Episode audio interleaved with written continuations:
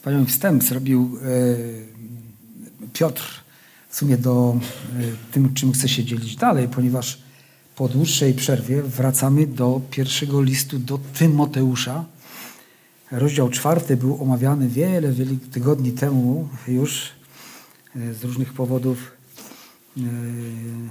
Nie było na to czasu, były inne tematy ważne. Ale dzisiaj wracamy do rozdziału piątego w pierwszym liście do Tymoteusza. I tak jak to było napis jest napisane w szesnastym wersecie, pilnuj siebie samego i nauki, jest tutaj bardzo właściwa kolejność. Kiedy rozważaliśmy końcówkę czwartego rozdziału, to było wspomniane, że ta kolejność zapisu nie jest przypadkowa. Żadna kolejność zapisu w Słowie Bożym nie jest przypadkowa. Nawet jeśli jakiś werset wydaje nam się nie, nie z tego świata, jakby wpleciony w temat, to on ma swój sens, tylko my mamy kłopot z tym, żeby go ogarnąć i zrozumieć. Ale tutaj pilnuj samego siebie i nauki. Zaczyna wierzący człowiek, sługa Boży, od siebie. Wielu głosiło pięknie słowo, czy głosi, a nie upilnuje swojego czystego życia, swojej pobożności i ich życie nieraz pada w ruinę. Pilnuj samego siebie i nauki. I apostoł, y, I apostoł Paweł pisząc do Tymoteusza, wiekowo dość młodego człowieka, pisał do niego, aby e, poprzez własne postępowanie, pobożność, dając siebie, w sobie wzór w mowie, w słowie, w postępowaniu, w wierze, w czystości, w miłości, aby w ten sposób wypełniał Boże polecenia, a też polecenia, które Bóg dał Tymoteuszowi przez apostoła Pawła i on miał bardzo poważne zadanie. Niezależnie od tego, czy młodszych, czy starszych, nauczać, jak powinno wyglądać chrześcijańskie życie i czego się powinni strzec, a czego pilnować i co pielęgnować i co rozwijać. No i ten Tymoteusz, pomimo młodego wieku, musiał z Bożą pomocą, ufając Bogu, pilnując samego siebie, przekazywać prawdę Bożego Słowa. Nie było wtedy Nowego Testamentu, a więc miał polecenia od, Tymote, od apostoła Pawła, aby pewne rzeczy w bardzo konkretny sposób nauczać. I nasz piąty rozdział również, było, o tym czytamy, wersety od 1 do 16, było to zadanie Tymoteusza, aby w tamtym czasie uporządkować, czy też pouczyć w kwestii postępowania, zarówno względem siebie nawzajem, przy sytuacjach takich, wiecie, no, kryzysowych, kiedy trzeba coś e, upomnieć, przypomnieć, skorygować, a także jeśli chodzi o wdowy w kościele. No i to jest temat, którym chcemy się dzisiaj zająć, dlatego że idąc za apostołem Pawłem, chcemy nauczać wszystkiego, co trzeba, a nie tylko tego, co nam jest bardziej przyjemne, czy co bardziej lubimy. Dlatego e, przeczytajmy wersety od pierwszego do szesnastego. Pierwszy list do Tymoteusza, piąty rozdział, od pierwszego wersetu do szesnastego. Starszego mężczyzny nie strofuj, lecz upominaj go jak ojca, młodszych jak braci, starsze kobiety jak matki, młodsze jak siostry z wszelką powściągliwością. Otaczaj szacunkiem wdowy, które rzeczywiście są wdowami. Jeżeli zaś która wdowa ma dzieci lub wnuki, to niech się one najpierw nauczą żyć zbożnie z własnym domem i oddawać rodzicom, co im się należy, to bowiem podoba się Bogu. Ale wdowa, która jest nią rzeczywiście, jest całkowicie osamotniona, pokłada nadzieję swą w Bogu i trwa w prośbach i modlitwach w nocy i we dnie. Ta zaś, która prowadzi rozwiązłe życie, już za życia umarła. Po, przykaż im, żeby były nienaganne. A jeśli ktoś o swoich, zwłaszcza o domowników, nie ma starania, ten zaparł się wiary, jest gorszy od niewierzącego. Na listę wdów może być wciągnięta niewiasta licząca lat co najmniej 60 i raz tylko zamężna, mająca dobre imię z powodu szlachetnych uczynków, że dzieci wychowała, że gościny udzielała, że świętym nogi umywała, że prześladowanych wspomagała, że wszelkie dobre uczynki gorliwie pełniła. Młodszych zaś wdów na listę nie wciągaj, bo gdy namiętności odwiozą je od Chrystusa, chcą wyjść za mąż. Ściąga jest na siebie potępienie, ponieważ pierwszej wierności nie dochowały.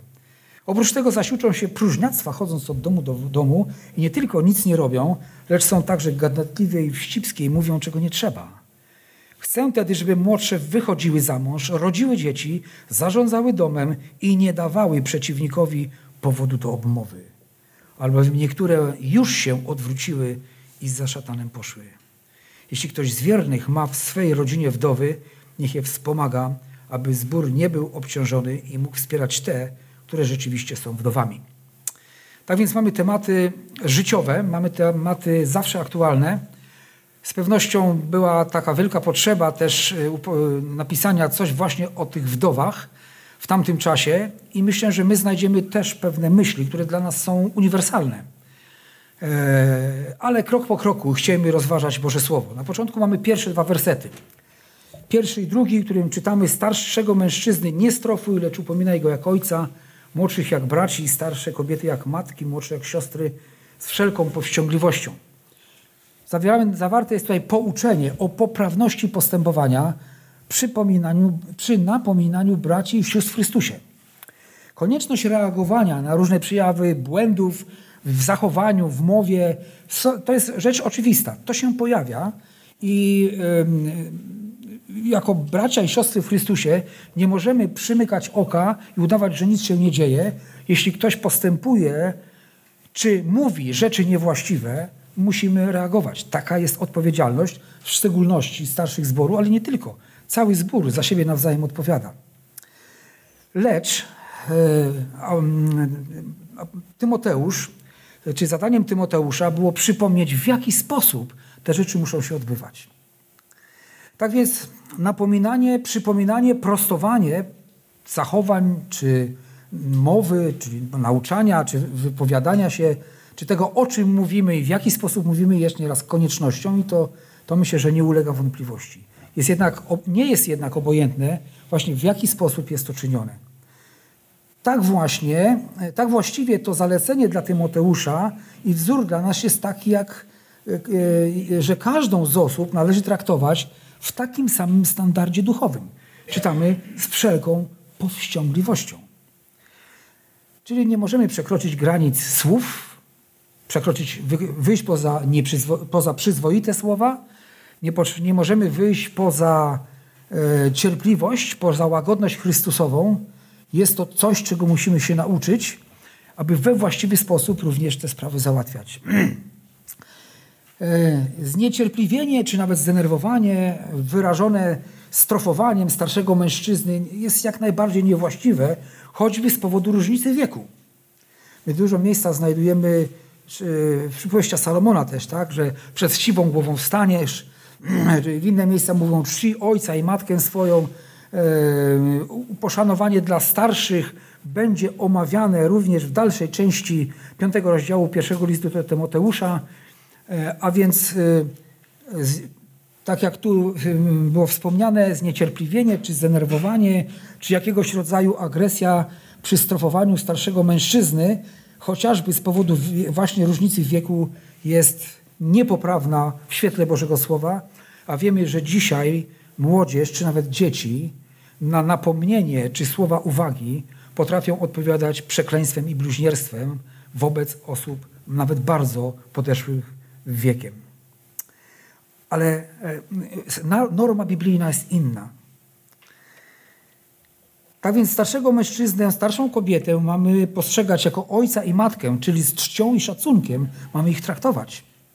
Młodszych mężczyzn, młodsze kobiety w zborze, ale myślę, że w ogóle też mamy traktować jak rodzeństwo.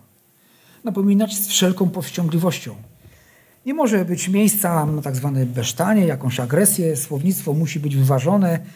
I powiem tak, lepiej dziesięć razy pomódl się i pytaj Boga, jak masz napomnieć, niż raz ma zrobić to źle. Zawsze zastanawiam się, jak długo prorok Natan trwał przed Bogiem w modlitwie i szukał Bożego wsparcia, zanim poszedł i napomniał króla Dawida. Słucham? i, i przyjaciel. To jest, to jest najtrudniejsza rzecz, pójść do przyjaciela i powiedzieć, zgrzeszyłeś, coś ty zrobił. Często właśnie te relacje przyjacielskie sprawiają, że przymrużamy oko. Tak? Nie reagujemy zbyt szybko. Ale jak ktoś inny, o, bardzo szybcy jesteśmy czasami. A więc 10 razy się podmódl, jak mało, to 100 razy. Zanim nie będziesz miał przekonania, jak masz podejść do ta, tego tematu, do tej rozmowy. Tego musimy się wszyscy nauczyć. Mamy naturę swoją, każdy jaką ma. Ktoś myśli szybciej, potem mówi, ktoś szybciej mówi, potem myśli, ale rzecz w tym, żeby to wyważyć w świetle Bożego Słowa. Tak więc mam taką prośbę, napominajcie mnie, ale pomyślcie 10 razy i się pomódlcie. Ja postaram się robić to samo. Wiem i Słowo Boże mówi, że wszyscy dopuszczamy się wielu uchybień, a więc y, potencjalnie musimy być wręcz pewni, że w którymś momencie takie napomnienie będzie musiało przyjść. I chwała Bogu, jeśli ktoś się nami zainteresuje. I powiem nawet tak, nawet jakby zrobił to źle, a miał rację, to posłuchaj. Nawet jeśli nie od razu, bo odeprzesz, wiecie, najpierw to jest takie kontra, to przemyśl to, a potem bądź jak ten, wiecie, syn, który powiedział ojcu, nie, nie pójdę robić, bo mi się nie chce, ale przemyślał i poszedł i zrobił. Tak? A inny mówił, dobra, idę, a nie poszedł. Więc wiem, który, że wypełnił wolę ojca tę, który najpierw mówił, że nie, a potem jednak zrobił to, co należało, to, o co prosił go jego ojciec.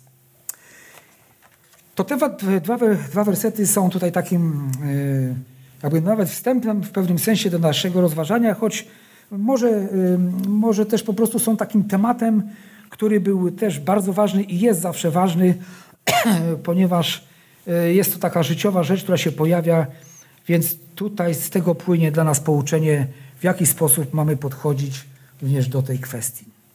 I teraz mamy te wersety od 3 do 16, które mówią o wdowach. Z jednej strony e, wydają się pewne rzeczy jakby oczywiste, że troska i pomoc jest konieczną rzeczą, jednakże Słowo Boże mówi o tym, kto i kiedy, w jakiej sytuacji i kim się powinien opiekować. Ale też, tak właściwie, czytamy tutaj o trzech grupach wdów, e, w zależności od jej sytuacji życiowej. A nie, jedna z tych trzech grup jest właściwie taką grupą wdów, które dokonały niewłaściwego wyboru już we wdowieństwie. A więc idźmy po kolei. Tak więc wersety od 3 do 15 to zagadnienia opieki zboru nad wdowami i opieki rodziny nad wdowami. Właściwie to są dwie gru, główne grupy takie tych wdów i dwa sposoby zaspokojenia potrzeb tych wdów. W tamtym czasie, wiecie, to było trudniejsze, bo nie było ZUS-u. Mamy dzisiaj błogosławiony ZUS, który troszczy się o nas i emerytury nam, czy renty y, y, określa. Y, wydaje decyzję o, o, o takim wsparciu finansowym. Mamy ośrodki pomocy społecznej, więc kwestie finansowe mogą być tutaj mniejsze do zastosowania dla nas dziś, jednakże są, jest wiele innych zagadnień, które z pewnością Pan Bóg sprawi, że będziecie przekonani, że one są ważne. A więc na samym początku, trzeci, czwarty werset rozróżnia między wdowami a wdowami. Zobaczcie, trzeci werset. Ja poproszę wodę. Trzeci werset mówi: Otaczaj szacunkiem wdowy, które rzeczywiście są wdowami. I z jednej strony wszystkie te kobiety, które straciły mężów, bo oni po prostu umarli, yy, czy zasnęli w Panu, czy po prostu on, oni nie żyją, wszystkie kobiety w sensie formalnym są tutaj wdowami. Ale Słowo Boże mówi tu o rzeczywiście wdowach i o wdowach. I rzeczywiście wdowy to są te, które są prawdziwie osamotnione. Dziękuję.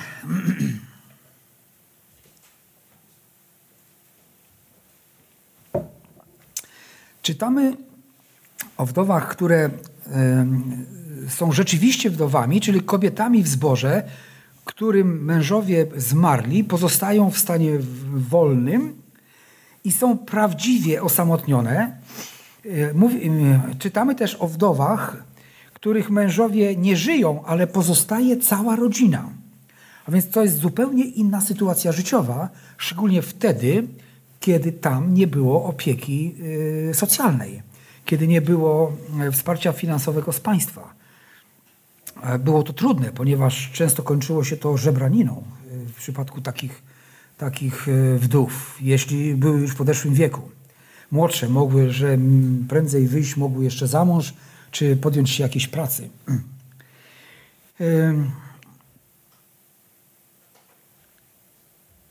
Trzeci rodzaj wdów, które znajdujemy w, tej, w tych 15 werset, e, w tych 14 e, wersetach, to są to wdowy, które źle żyją w stanie wdowieństwa, dopuszczając się zdrady wiary, czyli dają się odwieść od Chrystusa. Nie znaczy, że są pozbawione zbawienia, nie znaczy, że nie były nigdy zbawione, aczkolwiek może ta sytuacja dopiero pokazać, e, na ile rzeczywiście były w Chrystusie, czy nie były, ale yy, żyjąc w tym stanie wolnym, czyli jako już wdowy, skierowały się w stronę niewłaściwego zachowywania, niewłaściwego postępowania, pogwałcając zasady Ewangelii. Pierwsza grupa, grupa wdowy, które są rzeczywiście osamotnione, to wersety, które o nich mówią, to jest trzeci, piąty i dziewiąty. A więc czytamy o szacunkiem wdowy, które rzeczywiście są wdowami. Piąty werset, wdowa, która jest nią rzeczywiście, jest całkowicie osamotniona, pokłada nadzieję swoją w Bogu i trwa w prośbach i modlitwach w nocy i we dnie. I werset dziewiąty, na listę wdów może być wciągnięta niewiasta mająca lat co najmniej 60 i raz tylko zamężna. Yy,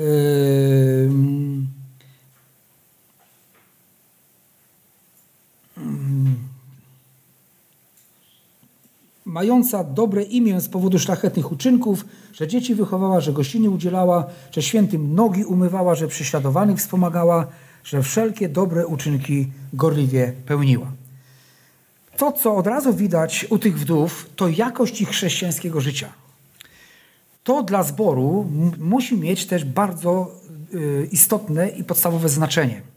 Czytamy tutaj, że żeby wciągnąć taką e, osobę pod opiekę finansową, czy po prostu zapewnić finansową egzystencję, e, zbór powinien zwrócić uwagę, że może to zrobić wokół, wobec wdów, które prowadziły właściwie, właściwe pobożne życie. Ta jakość chrześcijańskiego charakteru i życie nie pojawiła się oczywiście z chwilą owdowienia. E, to nie było tak, że jak została wdową, to nagle spełniła wszystkie te warunki, ponieważ tu czytamy, że ona całe życie swoje chrześcijańskie właśnie tak postępowała. Sądzę, sądzę że wdowieństwo e, spotęgowało może te dążenia i ten e, pobożny styl życia, w którym te kobiety funkcjonowały już wcześniej w małżeństwie, a teraz w osamotnieniu w największym i jedynym towarzyszem ich życia stał się sam Pan Jezus Chrystus. Nie wiem, czy pamiętacie, w trzecim rozdziale czytaliśmy o starszych zboru.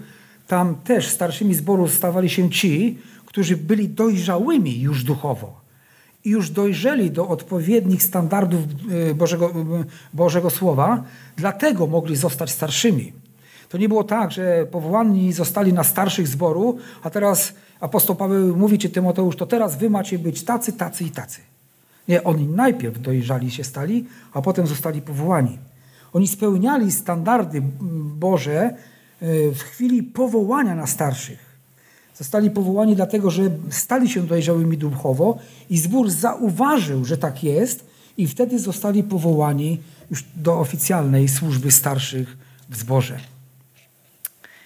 Wdowa, która jest nią rzeczywiście, jest całkowicie usamotniona, to taka, która nie ma rodziny, która nie, na której mogłaby się, która nie ma rodziny, która by ją mogła wesprzeć yy, i pozostają po prostu bez finansowego wsparcia.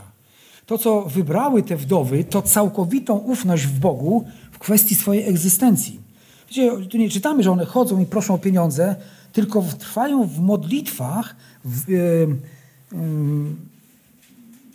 całkowicie położyła nadzieję w Bogu i trwa w modlitwach w nocy i we dnie.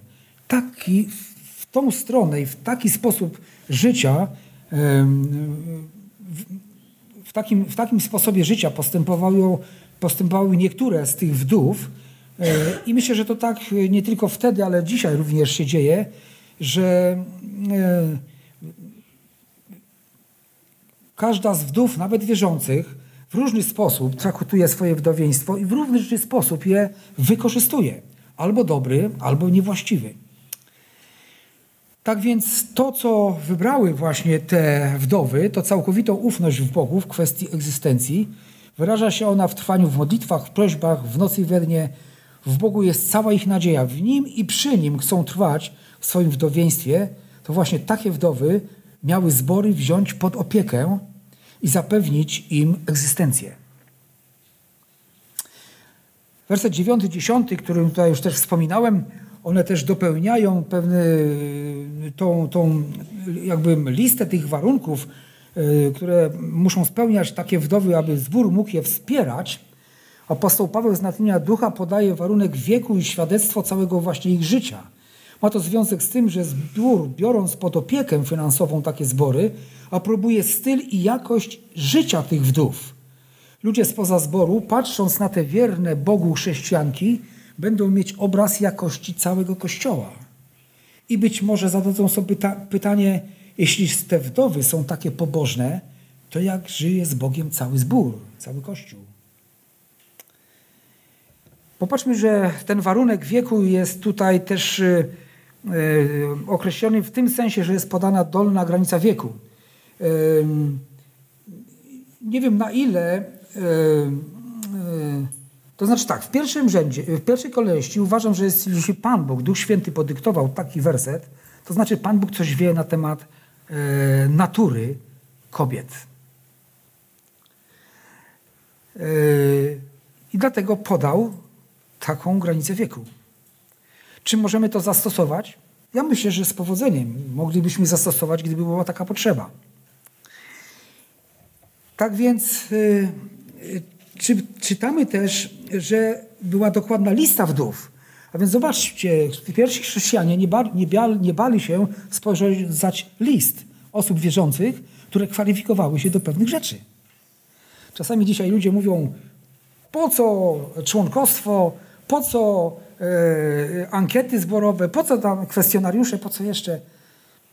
Czy człowiek, który żyje czystym, pobożnym życiem, ma się czego obawiać? Ale oni mieli ład i porządek. Oni nie chcieli e, i nie, nie mogli pozwolić na to, żeby kobiety, wdowy, które, których świadectwo życia nie jest pewne, żeby mogły e, e, wejść pod opiekę zboru i żeby zbór mógł roztoczyć nad nim swoją pieczę, jeśli by to świadectwo było wątpliwe.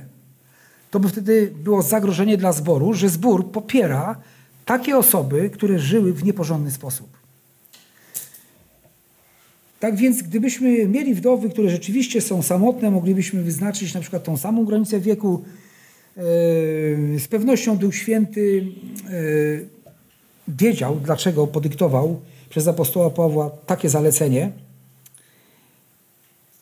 I czytamy też, że e, raz tylko zamężna, które to określenie, ono się pojawia podobne określenie e, w e, tych wymaganiach co do starszych zboru, bo tam czytamy, że mężem jednej żony.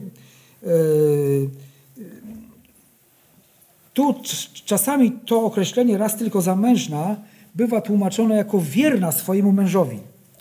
Z pewnością musiała to być kobieta, czy musi to być kobieta, wdowa, która nie zmieniła sobie męża na lepszy model. A więc pod tym względem E, jej życie powinno być absolutnie czyste. Tak czy owak, małżeńskie życie takiej chrześcijanki powinno być bez zarzutu, bez jakichkolwiek moralnych wątpliwości, aby zbór mógł roztoczyć opiekę nad taką kobietą. W dziesiątym wersecie czytamy, że wdowa objęta pomocą zboru musi słynąć, tak, słynąć, być znana nie tylko w zborze, ale na zewnątrz, ze szlachetnych uczynków, które pełniła w swoim chrześcijańskim życiu. Znana nie tylko e, w zborze właśnie, ale myślę, że też i przez sąsiadów, którzy bardzo bacznie nas obserwują. Że dzieci wychowała. Wiecie, to jest coś więcej wychować dzieci, niż wykarmić i oprać. Można powiedzieć, że właściwie wychowała. Czytamy w Słowie Bożym, że mamy wychowywać swoje dzieci w karności dla Pana. I krótki werset, ale mówi tak dużo, że mamy wychowywać w karności nie swojej własnej, nie w wymyślonej swojej karności, lecz opartej na Słowie Bożym. I ma być, mają być wychowane po Bożemu. A więc świadectwo życia tej wdowy powinno być takie, że wychowała dzieci, wychowała je w karności dla Pana. W sensie ogólnym znaczy, że dobrze wychowała swoje dzieci udzielała gościny. No, po prostu była gościnna. Jej był otwarty dla potrzebujących schronienia, dla potrzebujących wytchnienia. Nogi świętym umywała? Może to oznaczać w tamtej kulturze dosłownie to, a w odniesieniu do jakiegoś takiego uniwersalnego zastosowania wspierała w potrzebach chrześcijan. Otrzymywali od niej to, co było palącą życiową potrzebą. Udzielania, udzielała schronienia prześladowanym. To dzisiaj robi wielu ludzi w tych krajach, gdzie jest prześladowanie chrześcijan, ponieważ przyjmują tych, którzy zostają wypędzeni ze swoich wiosek, ze swoich miejscowości i znajdują schronienie w innych wierzących zborach. Oni przyjmując takich wyrzutków, sami ryzykują. Nie wiem, czy pamiętacie, kiedyś, jak mieliśmy podpisywać petycję i podawać swój PESEL i coś tam chyba jeszcze było do Organizacji Narodów Zjednoczonych w sprawie prześladowania, niektórzy mówili, a jak nas znajdą po tym PESEL-u? No tak, mogą. Ale to było właśnie to ryzyko dla innych wierzących. Słowo Boże mówi, że mamy tak miłować braci, że aż życie nawet za nich oddawać. A więc ta bogobojna, wierząca wdowa miała mieć takie świadectwo życia, że świętym nogi mi umywała, czyli wychodziła naprzeciw wszelkim potrzebom swoich braci i sióstr w Chrystusie. Wdowa o takim świadectwie życia ma pełne prawo do opieki ze strony zboru. Zbór jest zobowiązany, według tego słowa tutaj, do wspierania wdowy, e, gdyż, gdyż są prawdziwie osamotnione, czyli bez wsparcia rodziny, czasami odrzucone z powodu wiary. I tutaj czytamy właśnie również o takich wielu sytuacjach, kiedy w krajach, gdzie jest prześladowanie, giną e, mężowie, tak? są pastorami, giną, zostaje matka w całkiem daleka jeszcze nawet od sześćdziesiątki, tak? ale pozostaje w tamtych y, y, warunkach w ogóle bez utrzymania. To są też sytuacje, których, które dzisiaj należy zastosować y, tak, że jeśli nie ma wsparcia, należy pomóc i zapewnić wsparcie, dokąd to jest możliwe, aby mogła po prostu przeżyć. A więc to jest, to jest powinność Kościoła, powinność zboru. Druga grupa wdów to są wdowy z rodzinami, i tutaj wersety 4, 8 i 16. Werset 4 mówi: Jeśli zaś która wdowa ma dzieci lub wnuki, to niech się one najpierw nauczą żyć zbożnie z własnym domem i oddawać rodzicom, co im się należy. To bowiem podoba się Bogu.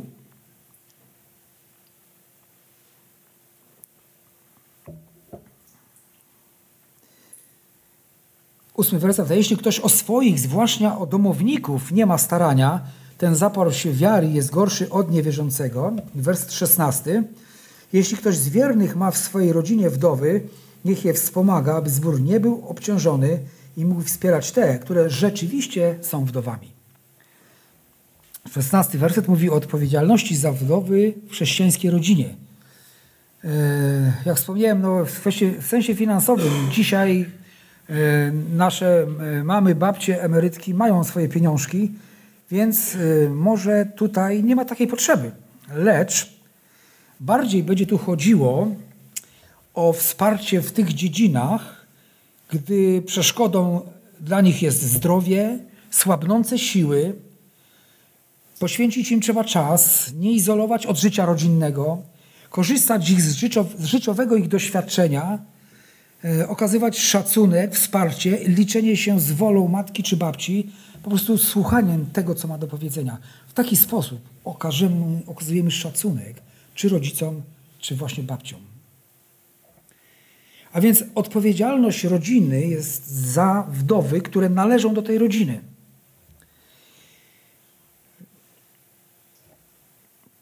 Czwarty werset pokazuje, jak ważne jest są właściwe relacje w chrześcijańskiej rodzinie czytamy, że jeśli która wdowa ma dzieci, to one muszą się nauczyć najpierw żyć zbożnie z własnym domem i oddawać rodzicom, co im się należy, bo ponieważ to się podoba Bogu. E, tu w tym przypadku również e, wymienione są wnuki, a więc i one muszą też nauczyć się tego szacunku. Dzieci, wnuki powinny nauczyć się czcić ojca i matkę, babcię jako mamę mamy lub mamę taty, pobożność, a nie krnąbrność powinna cechować dzieci i wnuki w relacjach ze starszymi. To właśnie jest kwestia dobrego wychowania według Bożego Słowa, a nie tylko odchowania dzieci, zapewnienia ubrania i nakarmienie. Czci ojca i matkę swoją to jest standard, Boży standard dla dzieci. Takie postępowanie dzieci podoba się Panu Bogu. No i to tego nikt inny nie nauczy, jak my rodzice, czy dziadkowie, czy babcie. Myślę, że uśmiechamy się nieraz, jak powinniśmy się uśmiechać, być zdziwieni, jak ktoś pyta, nie wiem, czteroletnie dziecko o standardy postępowania, czy ono. Dziecko, dziecko pyta, czy mogę nie iść dzisiaj do szkoły. A co robi rodzic? No dobrze, jak nie chcesz, to nie idź. Niszczy swoje własne dziecko. Nie? Więc yy, to, to rodzice i dziadkowie, babcie, musimy nauczyć dzieci, że Słowo Boże naucza. Nie, że my tak każemy, tylko że Słowo Boże naucza, co jest miłe w Bożych oczach, jeśli o zachowanie dzieci. Nauczyć to znaczy wychować, to znaczy wyegzekwować. Dzięki Bogu, że pomimo naszej ułomności On okazuje łaskę i czasami nie widząc nawet własnej zasługi jakimś takim szczególnej zasługi w wychowaniu dzieci, jednak Bóg sprawia, że dotyka ich serc i one te warunki Bożego zachowania też, też zachowują. Ósmy werset mówi, że jeśli by ktoś te wartości odrzucił i zaniedbał troskę o starszych rodziców i nie będzie dbał też o pobożne wychowanie dzieci, to ósmy werset mówi, kto nie ma starania o domowników, zaparł się wiary, jest gorszy od niewierzącego. Wiecie, czasami y, ludzie w rodzinach niewierzących, ateistycznych, y, troska o rodziców, szacunek, y, taka, takie mm, pełne czci odnoszenie się jest o wiele lepiej widoczne niż w niektórych wierzących domach. Jest to prawda. Ale to jest nasza wina. Co robiły te wdowy? We dnie i w nocy w modlitwach trwały i w błaganiach. Jeśli nie dajemy rady z dziećmi, w modlitwach i błaganiach. Sami nie, prośmy innych, prośmy zbór. Walczymy o dobre szkoły dla dzieci. Walczymy o to, żeby zapewnić byt fizyczny, ziemski, taki wiecie, materialny. Czasami jesteśmy w stanie zawalczyć, czasami nie. A o ile walczymy o ich byt duchowy, o ich wieczność, o to, żeby mogły być wychowane w karności dla Pana. Ile determinacji mamy do tego? Dużo pytań dzisiaj jest postawionych, teraz i wcześniej, ale warto je zadawać, aby nad nimi też myśleć. No i mamy trzecią grupę wdów, wdowy, które za życia umarły, czyli żyły, ale w sensie duchowym stało się coś, że stały się nieużyteczne, tak jakby martwe. No i przeczytajmy tutaj wersety 6, 17, 12, 13 i 15. O, chyba więcej stosunkowo wersetów o tym złym zachowaniu niż o tym dobrym. No ale spróbujmy to przeczytać. Szósty werset. Ta zaś, która prowadzi rozwiązłe życie, już za życia umarła, przykaż imię były nienaganne. Jedenasty werset. Młodszych zaś wdów na listę nie wciągaj, bo gdy namiętności odwiodzą je od Chrystusa, chcą wyjść za mąż, ściągając na się potępienie, ponieważ pierwszej wierności nie dochowały, prócz tego uczą się próżniactwa, chodzą od domu do domu, nie tylko nic nie robią, lecz są także gadatliwe i wścibskie, mówią czego nie trzeba. I piętnasty werset. Albowiem niektóre już się odwróciły i za szatanem poszły. Mamy kilka stwierdzeń, które z pewnością budzą nasze zainteresowanie e, i być może e, nawet jakiś kłopot. E, no, to, że prowadzi rozwiązłe życie, już za życia umarła, myślę, że to jest stosunkowo proste do zrozumienia, że chociaż żyje fizycznie, jednak duchowo stało się coś, co przypomina śmierć lub stało się śmiercią. Natomiast jeśli czytamy, pierwszej wierności nie dochowały, zaczynamy rozważać, możemy mieć kłopot, jeśli mówimy, czytamy, że już się odwróciły i za szatanem poszły, to co to znaczy, że się odwróciły, za, szanem, za, za szatanem poszły? Ufam, że z Bożą pomocą, że Pan Bóg pomoże nam uchwycić istotę tych problemów, które tam się pojawiły i które się pojawiają dzisiaj. W szóstym wersecie podane jest przeciwieństwo pobożnej wdowy, pobożnej kobiety.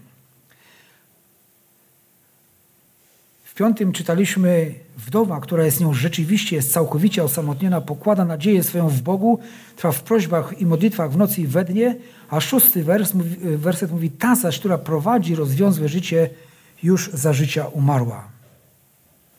Niektóre wdowy zboczyły, zbaczają z drogi prawdy.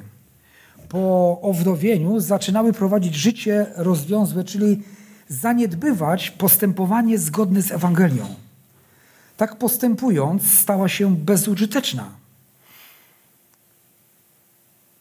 Użyteczność w Bożych, oczach, w Bożych oczach polega na tym, że wypełnia się Jego wolę, a one jej nie wypełniały. Nie wiemy, czy okazało się to, że, że wdowieństwo na przykład wykazało to, że w rzeczywistości nie była odrodzona, czy w pewnym momencie i w pewnym momencie wyszło to na jaw, czy będąc chrześcijanką po prostu upadła w złe postępowanie, upadła duchowo. W wersecie 13 chodzi raczej o wdowy, które już nie mają własnych dzieci, ale jeśli mają czas chodzić po domach, no to chyba, że z bardzo małymi dziećmi, ale nie wiem, czy. Nie wiem, przynajmniej ja mam takie skojarzenie, że bardziej chodzi o takie, które już e, bardziej swobodnie mogą poruszać się e, w to czy tamto miejsce. I czytamy, że po prostu chodzą po domach, próżniactwo, chodzenie od domu do domu, z nudów i dla rozrywki, a może z ciekawości, że się czegoś dowiem, co tam się wydarzyło, a co tam się dzieje, a może oni wiedzą coś o tamtym.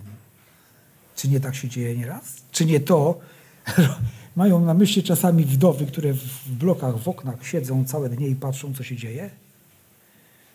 Zamiast się modlić w dzień i w nocy, to siedzą i wypatrują, co też on tam zrobił, jak się zachował, co powiedział.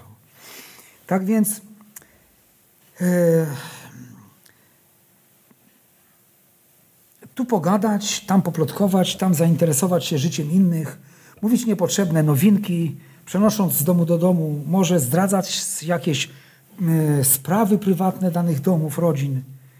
E, Boży nakaz dla tych wdów jest zapisany w wersecie 14. Chcę tedy, aby młodsze wychodziły za mąż, rodziły dzieci, zarządzały domem i nie dawały przeciwnikowi powodu do obmowy. Czy nie kłóci się to trochę z naszą kulturą i pojęciem, bo my mówimy tak, mieć trochę poniżej 60 lat i wyjść za mąż i rodzić dzieci? Lepsze jest chodzenie po domach i plotkowanie? Pan Bóg mówi, zajmij się czymś. Wierzący człowiek musi się zajmować Bożymi rzeczami. Dlatego Pan Bóg daje takie rozstrzygnięcie i takie zalecenie. Stan duchowy pewnych wdów stał się jeszcze gorszy. Piętnasty werset mówi, że niektóre się odwróciły i za szatanem poszły. Może tu sugerować odwrócenie się od etyki, od etyki i moralności Bożego Słowa, że zaczęły używać życia yy, pod inspiracją mocy ciemności, być może zaczęły zaspokajać swoje naturalne potrzeby w niemoralny sposób. Zamiast wyjść za mąż, może zaspokajały swoje potrzeby w grzechu.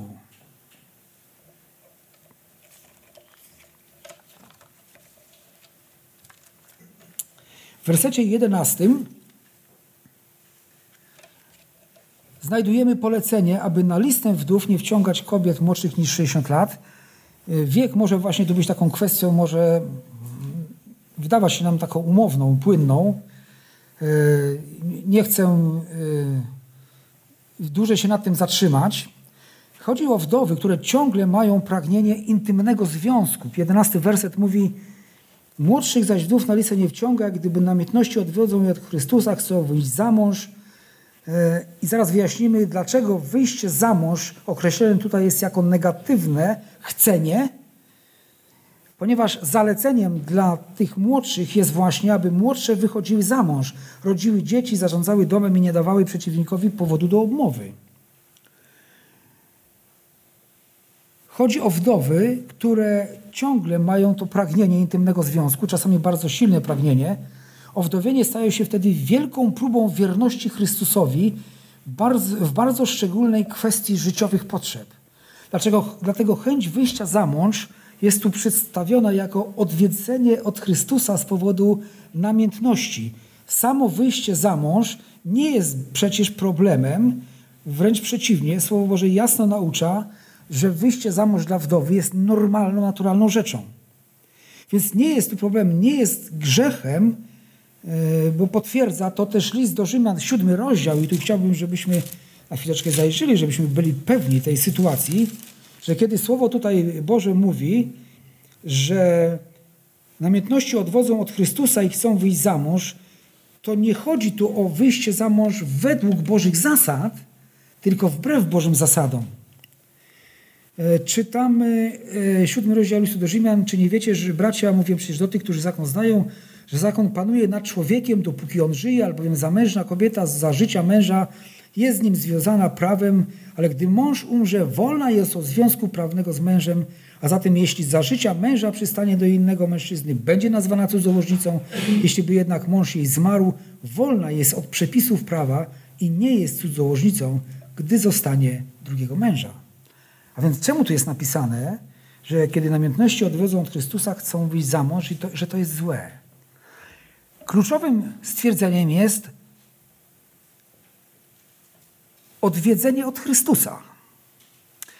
Czyli można wyjść za mąż po Bożemu, tak jak naucza Boże Słowo, a Boże Słowo naucza też, i tu jeszcze znowu do pierwszego Koryntian, yy, zajrzymy do, do szóstego rozdziału, do siódmego rozdziału, przepraszam. Yy, oj, przepraszam. Pierwszy do Koryntian, a ja jestem w Rzymian. Pierwszy do Koryntian, siódmy rozdział. Werset 39 mówi tak. Żona związana jest tak długo z mężem, dopóki jej mąż żyje. Jeśli mąż umrze, wolno jej wyjść za mąż za kogo chce. I słowo klucz, byle w Panu. Czyli wierząca wdowa może wyjść za kogo chce. Jaki facet wierzący jej się spodoba, ok, byle w Panu. I to nie chodzi o to, że chodzi do zboru. Tu nie chodzi o to, że umie śpiewać pieśni, tylko ma wziąć wierzą człowieka odrodzonego, który jest w Panu, który jest zrodzony z Boga, z Bożego Ducha, jest Bożą własnością. Jeśli jest pobożną kobietą, to niech weźmie pobożnego męża. Tak więc to, co mogło się wydarzyć, to kiedy ta silna potrzeba wyjścia za mąż wierzącej wdowy mogła sprawić, że gotowa jest wyjść za mąż za kogokolwiek, nawet niezbawionego, ale za takiego dobrego, miłego, wyrozumiałego mężczyznę. To już jest stan gotowości do zlekceważenia Bożego nakazu, o którym przed chwileczką czytaliśmy, że może wyjść za kogo chce, byle w Panu. A więc myślę, że Słowo Boże mówi tutaj o kobietach, o wdowach, które z powodu głębokiego pragnienia takiego intymnego związku, nie, nie wołając do Boga o, w tej sprawie również, po prostu mają w sercu taką myśl, czy taki pomysł, żeby wyjść za dobrego, porządnego człowieka, niekoniecznie odrodzonego. To jest odstąpienie od Chrystusa. To jest odstąpienie od prawdy Ewangelii.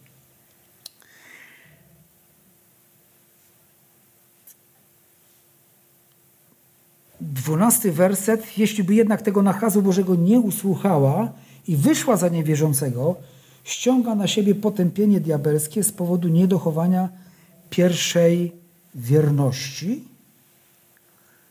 Właśnie, i to jest to słowo pierwszej wierności. Niektórzy mówią, no to sobie, ponieważ jej mąż zmarł, to była ta pierwsza jej wierność, a teraz ona chce wyjść za drugiego. No ale nie może być Słowo Boże mówić raz w tą, raz w tą, nie? Znowu ta sama zasada. Wdowa może wyjść za mąż za kogo chce, byle w Panu. Natomiast jak, o jaką pierwszą wierność, czy też o pierwszą miłość chodzi, przecież jest wdową, więc normalnie może wyjść za mąż ponownie, byle za wierzącego, za prawdziwie odrodzonego człowieka, ale odpowiedź mamy w dwóch Ewangeliach. To są takie równoległe teksty mówiące o tym samym wydarzeniu. I Mateusza 22 rozdział. Mateusza 22 rozdział.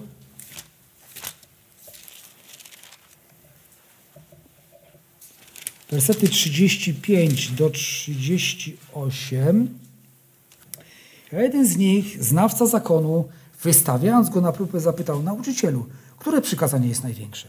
On mu powiedział: Będziesz miłował Pana Boga swego, z całego serca swego, z całej duszy swojej i całej myśli swojej. To jest największe i pierwsze przykazanie. Drugie podobne temu: Będziesz miłował bliźniego swego jak siebie samego. I Marka, 12 rozdział, wersety 28 do 31. Przystąpił jeden uczonych w piśmie, który słyszał, jak oni rozmawiali, a wiedząc, że dobrze im odpowiedział, zapytał go, które przykazanie jest pierwsze ze wszystkich. Jezus odpowiedział, pierwsze przykazanie jest to, słuchaj Izraelu, Pan Bóg nasz, Pan jeden jest, będziesz wtedy miłował Pana Boga swego z całego serca swego, z całej duszy swojej, z całej myśli swojej, z całej siły swojej, a drugie podobne, będziesz miłował bliźniego swego. A więc pierwsza wierność to jest ta wierność Chrystusowi. To jest pierwsza wierność, czyli nadrzędna wierność. Wierność pierwszemu przykazaniu to pierwsza, najważniejsza wierność. Gdy wdowa wychodzi za, gdy wdowa wychodzi za niewierzącego, to łamie najważniejszą wierność swojego życia jako chrześcijanka. Wierność Chrystusowi, wierność nauce Bożego Słowa. Wierność Chrystusowi stoi ponad każdą inną wiernością. Dlatego jest powiedziane, kto, jeśli by ktoś y, miłował bardziej ojca, matkę, brata, siostrę, bardziej niż mnie, nie jest mi godzien, bo Jezus jest pierwszy i miłość do Niego i wierność Jemu jest pierwsza. Więc jeśli wdowa zdecyduje się, żeby wyjść za kogoś, kto jest niezbawiony lub w inny sposób jeszcze gorszy, może w takim no, ogólnoetycznym znaczeniu zaspokajać swoje głębokie potrzeby życiowe, więc łamie pierwszą miłość, pierwszą wierność. Staje się niewierna Chrystusowi. Wierność, łamie wierność Bożemu Słowu. Podsumowując, wersety 3 do 16, one nauczają o tym, co Kościół powinien zrobić, a nie co może zrobić, jeśli uważa, że istnieją sprzyjające okoliczności i że jest w stanie to zrobić. Jest to powinność Kościoła zająć się wdowami, które są nimi rzeczywiście, czyli są prawdziwie osamotnione.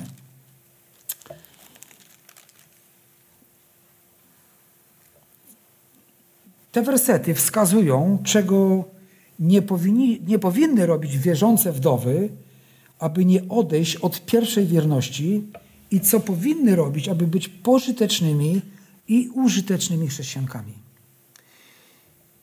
Jeśli dzisiaj zabezpieczenie finansowe wdów jest zapewnione przez system emerytalny, to jednak powinniśmy być czujni na wszelkie inne duchowe czy takie życiowe, może zdrowotne potrzeby tych wdów, które są prawdziwie osamotnione. Odpowiedzialność nasza jest za to, żeby się zatroszczyć, kiedy widzimy w potrzebie. Odpowiedzialność rodzin jest troszczyć się o wdowy, które należą do tych rodzin. Odpowiedzialność wdów jest prowadzić pobożne życie w modlitwach, w społeczności z Bogiem i już teraz dbać o to, żeby być chrześcijankami, które dobrze żyją, dobrze wychowują dzieci, że wspomagają świętych w potrzebach, że gościny udzielają, że e, wszelkie dobre uczynki gorliwie pełnią, aby w przyszłości, a czeka to nas wszystkich, czy bycie wdowcem, czy wdowieństwem, żeby nasze stare życie okazało się błogosławione dla innych i stało się wzorem i przykładem. Odpowiedzialność wdów wierzących jest nie dać się zwieść od pierwszej wierności, od pierwszej miłości, aby nie odstąpić od Chrystusa i nie ściągnąć do siebie potępienia. Niech Pan Bóg dokaże nam wszystkim, wszystkim nam patrzeć na potrzeby tych, którzy są w potrzebie, no nie tylko wdów, ale i siebie, sobie, siebie nawzajem wspierać. A niech Pan Bóg błogosławi też kobiety, aby dojrzewając w chrześcijańskiej e, życiu e, mogły kiedyś otrzymać chlubne świadectwo tych wdów, tych kobiet, które prowadziły pobożne życie ku Bożej chwale. A my, bracia, bądźmy dla nich wzorami w pobożności, we wszelkiej uczciwości ku chwale Bożej.